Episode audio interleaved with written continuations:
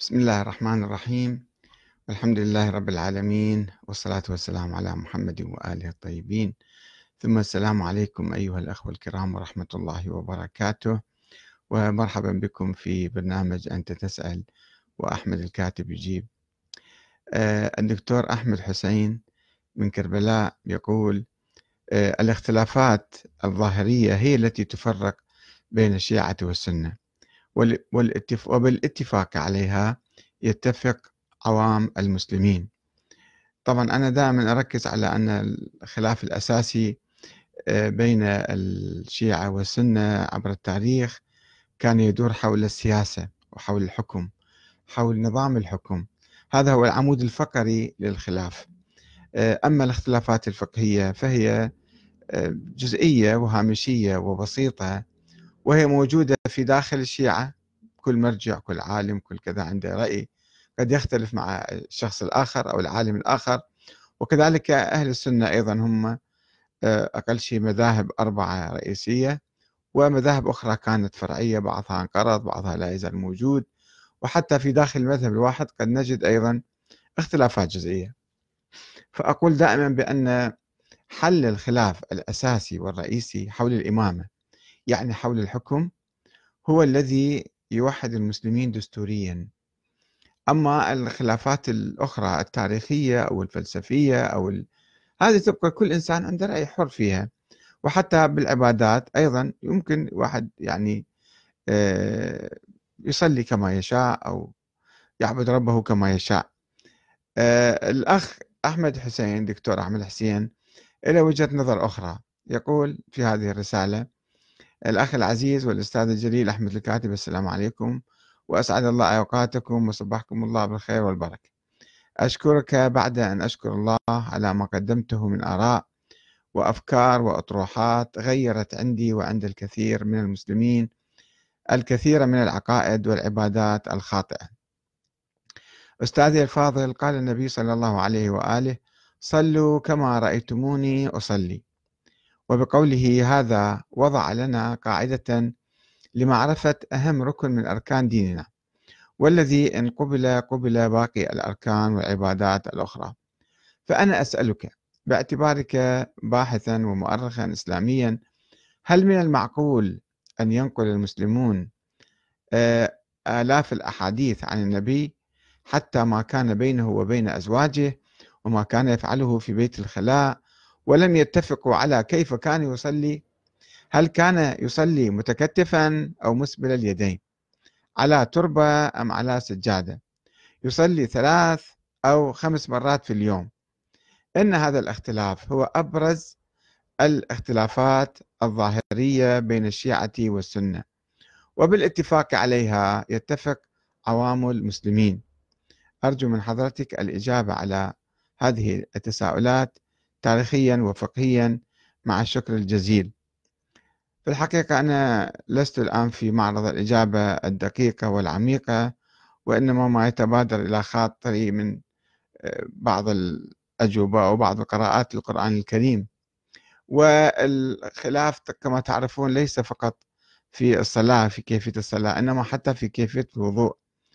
فالشيعة مثلا آه، يسبغون الماء مع الوضوء من المرفق إلى الأصابع بينما السنة مثلا آه، من الأصابع إلى المرفق التزاما حرفيا بالآية التي تقول إلى المرافق.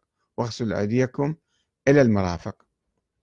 آه، الشيعة مثلا يفسرون الآية أنه المسافة اللي نغسل بها الإيد من الساعد يعني والكاف أم من العضد حتى من الكتف أنه لا. فحدد القرآن الكريم أنه إلى المرافق يعني اغسلوها إلى المرافق. ليس بمعنى النهاية إنما معنى تحديد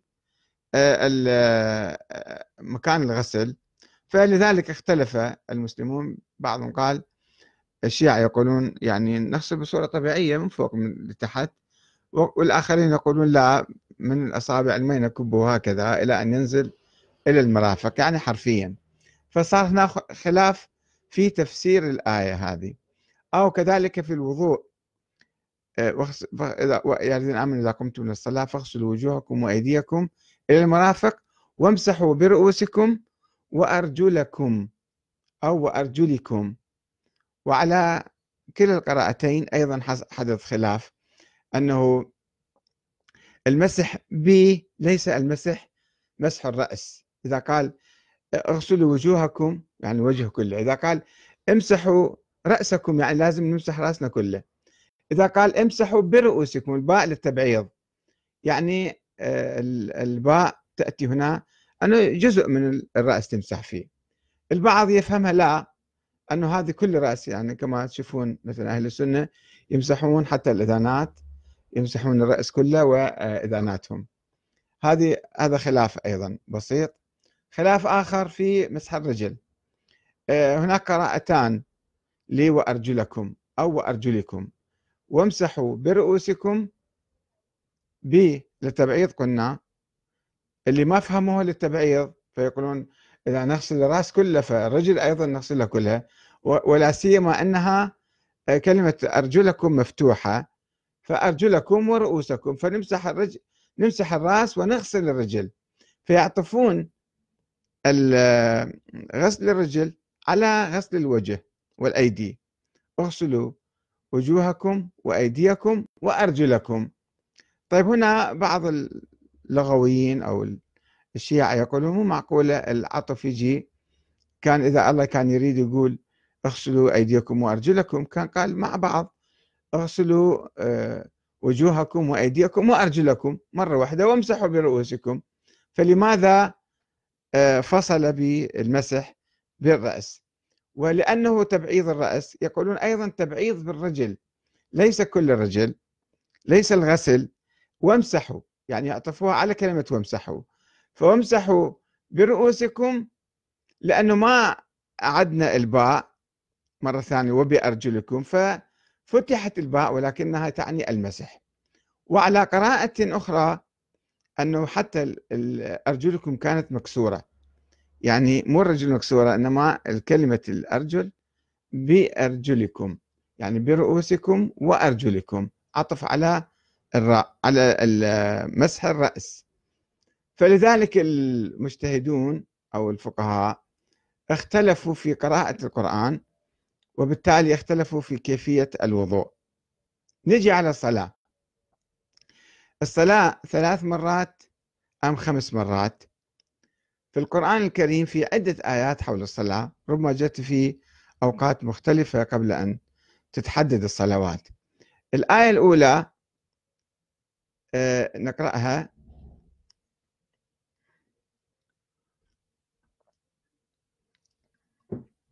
أقم الصلاة لدلوك الشمس يعني الفجر إلى غسق الليل لدلوك الشمس عفوا عن هذا آه، إلى غسق الليل وقرآن الفجر. إن قرآن الفجر يعني صلاة الفجر قرآن يعني قراءة القرآن بالفجر كان مشهودا.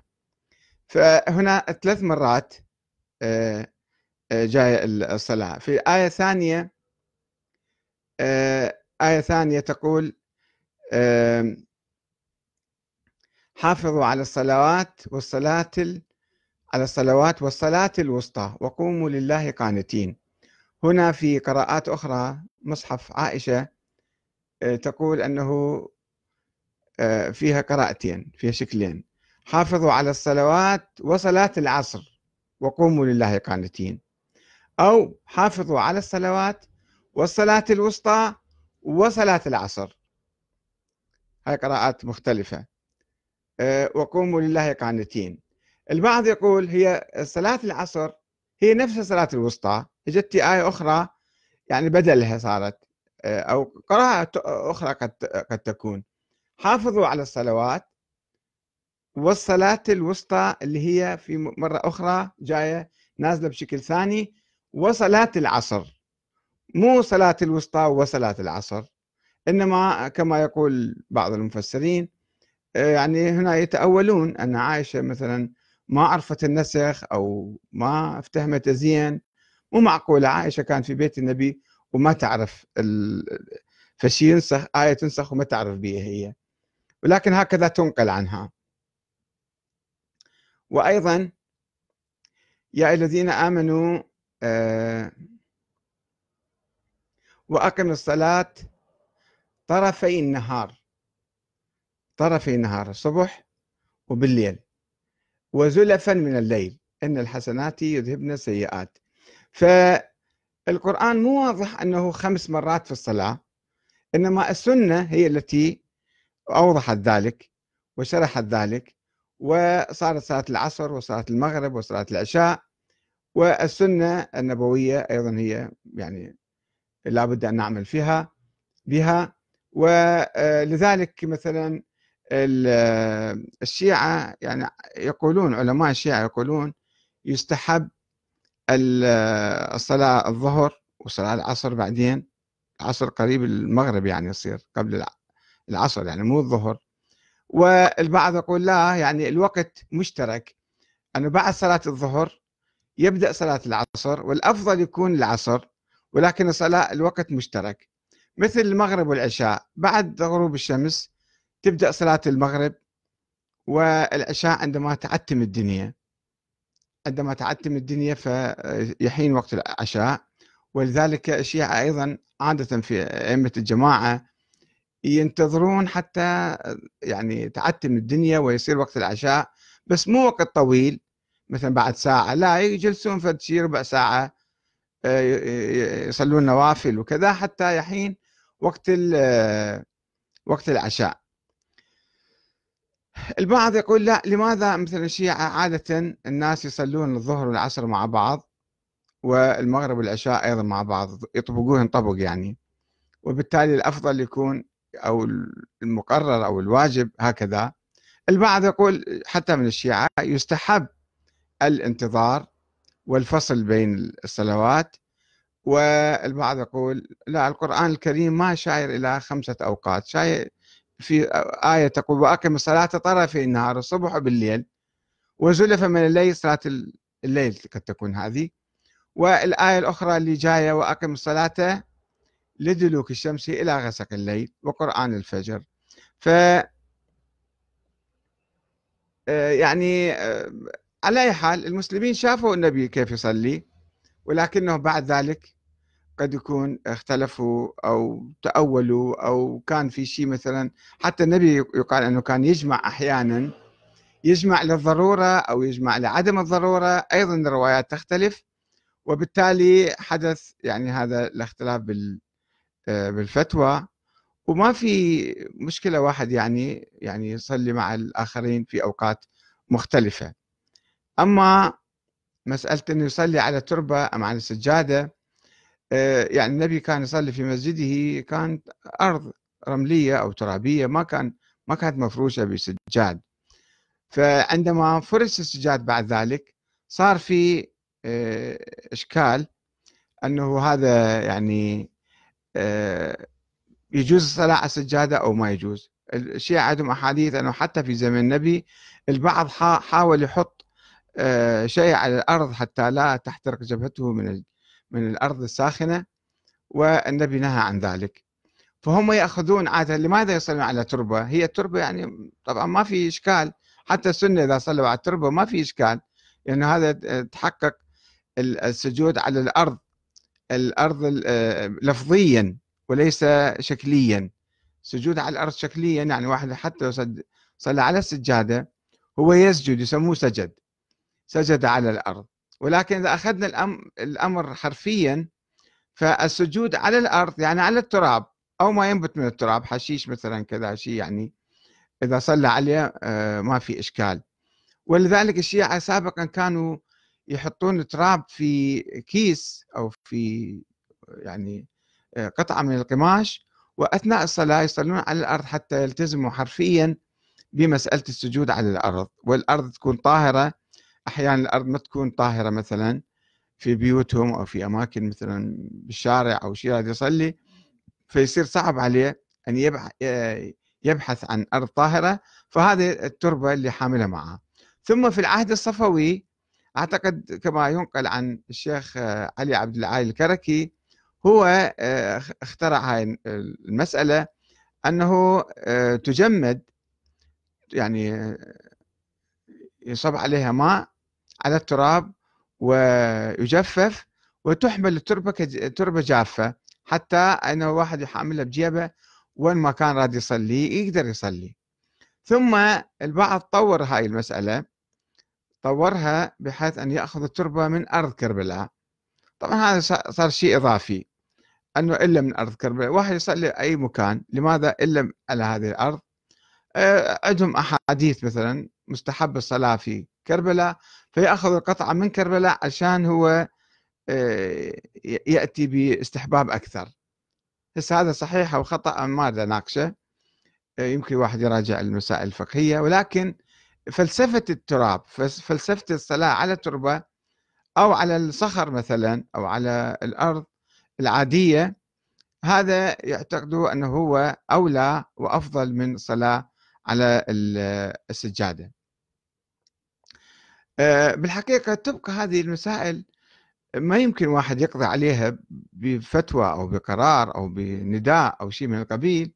تبقى الاجتهادات لازم إحنا نتحمل نتحمل التعددية. حتى الإسبال والتكتف نجي على الإسبال والتكتف. آه، المذهبين آه، المذهب المالكي والمذهب الجعفري نشأ في المدينة. والمذهب الحنبلي والشافعي والحنفي نشأوا في العراق أساسا. ف المذهب المالكي مذهب أهل المدينة وكذلك مذهب الجعفري فأهل المدينة هم أقرب إلى الرسول وكان بعد مئة سنة من وفاة الرسول آه، حوالي شوي أقل شوي أكثر. فكانوا هم آه، اعتيادي كان يسبلون في الصلاة. فالإسبال هو الأساس والتكتف بعدين ربما اجى من يعني حالات أخرى يعني دخلت على الصلاة أنه والله مثلا عندما نتكتف العبيد يتكتفون هكذا أمام أسيادهم أو سابقا الأديان السابقة نرى في التماثيل كيف يقف الناس مثلا احتراما لملوكهم أو العبيد لأسيادهم. يتكتفون بحالة خشوع أكثر فاقتبسوها من هناك وبدأوا يتكتفون بالصلاة. وينقل أنا ما متحقق في هذا الموضوع ينقل أنه آه، الخليفة عمر بن الخطاب شاف الأسرى إجوا وكانوا واقفين أمامه ومتكتفين فقال لهم لماذا أنتم متكتفين؟ قالوا إحنا احتراما لكم. فقال إذا خلي إحنا بالصلاة أيضا نتكتف أنا ما متأكد من هذه القصة هاي كذا تروى عند الشيعة ولم أحققها عند السنة ماذا يقولون فيها؟ أساس آه، التكتف بالصلاة. وكما تعرفون حتى السنة في التكتف عدة أشكال يعني يختلفون أيضا في التكتف. وضع اليد على البطن مثلا اليدين أو على الصدر أو فوق الصدر هكذا أو بصورة هكذا يعني في التكتف أيضا في آه، أشكال مختلفة ومتعددة. هذه أيضا أنا أعتقدها كلها آه، أشياء شكلية. طبعا عندنا نقطة أخرى ما ذكرها الأخ اللي هي مسألة الأذان. الأذان أبرز شيء الآن. في مسألة أشهد أن علي ولي الله في الأذان والإقامة. هذه ما كانت عند الشيعة. المتطرفين الشيعة الغلاة من الشيعة المفوضة بالخصوص. يعني علي ولي الله يمكن تقول على أي إنسان هذا ولي الله. مو ما في مشكلة يعني. ولكن أن نجيبها بالأذان كشهادة ثالثة كما يقول أحد مشايخ الطائفة الاثنى عشرية في القرن الرابع الهجري اللي هو الشيخ محمد بن علي بن بابويه الصدوق اللي توفى سنة 381 في كتابه من لا يحضره الفقيه يقول أن المفوضة كانوا يقولون بهذا الشهادة الثالثة ويقول لعنهم الله هاي بدعة أدخلوها في الأذان ويلعنهم يقول لعنهم الله هؤلاء المفوضة الغلاة. ثم مع السنين أيضا دخلت يعني تسربت من الغلاة تسربت لعامة الشيعة. وإلى وقت قريب إلى حوالي مئة سنة من قبل في كربلاء في مرقد الإمام الحسين لم يكونوا يعني يؤذنون بالشهادة الثالثة. يقال أن ناصر الدين شاه أحد ملوك إيران زار كربلاء في أواخر القرن التاسع عشر. وأثناء الصلاة سمع المؤذن يؤذن بدون هذه أشهد أن علي ولي الله. فهم كانوا في الأيام في الدولة الصفوية والقاجرية من بعد ذلك آه، يأتون بالشهادة الثالثة. وهذا الملك الإيراني الشاه الإيراني أمر المؤذن أن يؤذن مرة أخرى وقال له يجب أن تؤذن دائما هكذا. فمنذ ذلك الحين من حوالي 100 120 سنة الشيعة بدأوا يعني يدخلون يدخلون هذه في الأذان ولكن يقولون ليس على أساس الوجوب وإنما على أساس الاستحباب. أنه هذه مثل ما واحد يقول أشهد أن محمد رسول الله ثم يتوقف ويقول صلى الله على عليك يا رسول الله. أو اللهم صل على محمد وآل محمد. هذه ليس من الأذان ليس بنية الأذان. والشيعة يقولون حتى الآن هذه ليست من الأذان. إلا أنه بعض الأوقات تدخل السياسة ومثل فتوى سيد الحكيم عندما الشيخ محمد الخالصي آه، يعني بعد ما صار يأذن بالشهادة الثالثة في آه، مسجد الإمام الكاظم في بغداد آه، وصارت ضجة والسيد الحكيم قال هذه أصبحت رمز الشيعة فلذلك إحنا نأتي بها. هاي صارت مسألة سياسية مو مسألة دينية. رمز الشيعة ما عندها بالدين في رمز الشيعة ولا رمز السنة؟ أي شيء مثلا بدعة تصبح رمز علينا رمز لطائفة معينة يجب أن تأتي بها هذا شيء مو معقول. السيد محمد حسين فضل الله كما تعرفون أيضا لم يكن يؤذن ولا يقيم بهذا. وبالأذان يحتاطون كثيرا حتى الشيعة حتى بقية هذا أنه في الأذان في الإقامة خصوصا لا يجوز أن واحد يعني يأتي بها بنية آه، آه، الإقامة. هي هذه كل يوم تطلع في الشغلة ويمكن تفرق المسلمين. بس هذه الظواهر بالحقيقة صحيح هي آه، بارزة. يعني أنا أعتقد حتى الشيعة مثلا مسألة التكتف البعض يغالي بذلك يتطرف جدا أنه هذا الشيء حرام وما يجوز وبدعة وتبطل الصلاة. ما أعتقد بهالصورة هذا واحد سواها يعني واحد مسبل الصلاة يعني هذه حركة هامشية. لذلك لا يوجد عليها نص من الرسول أنه واحد آه، يصلي مسبل أو متكتف. افترض واحد حط إيده بجيبه بثناء الصلاة تبطل صلاته؟ أو حط إيده ورا ظهره؟ أو حط إيده مثلا متكتف هكذا أو مسبل؟ ما تأثر على الصلاة هو متوجه بروحه وعقله وقلبه إلى الله تعالى. هذا هو المفروض في الصلاة. ويقرأ و آه، يعني يأتي بأركان الصلاة أما كيف يقف يعني حتى لو واحد آه، تكتف ما راح تبطل صلاته. يعني خطأ أن نضخم المسألة وعنادا على أهل السنة.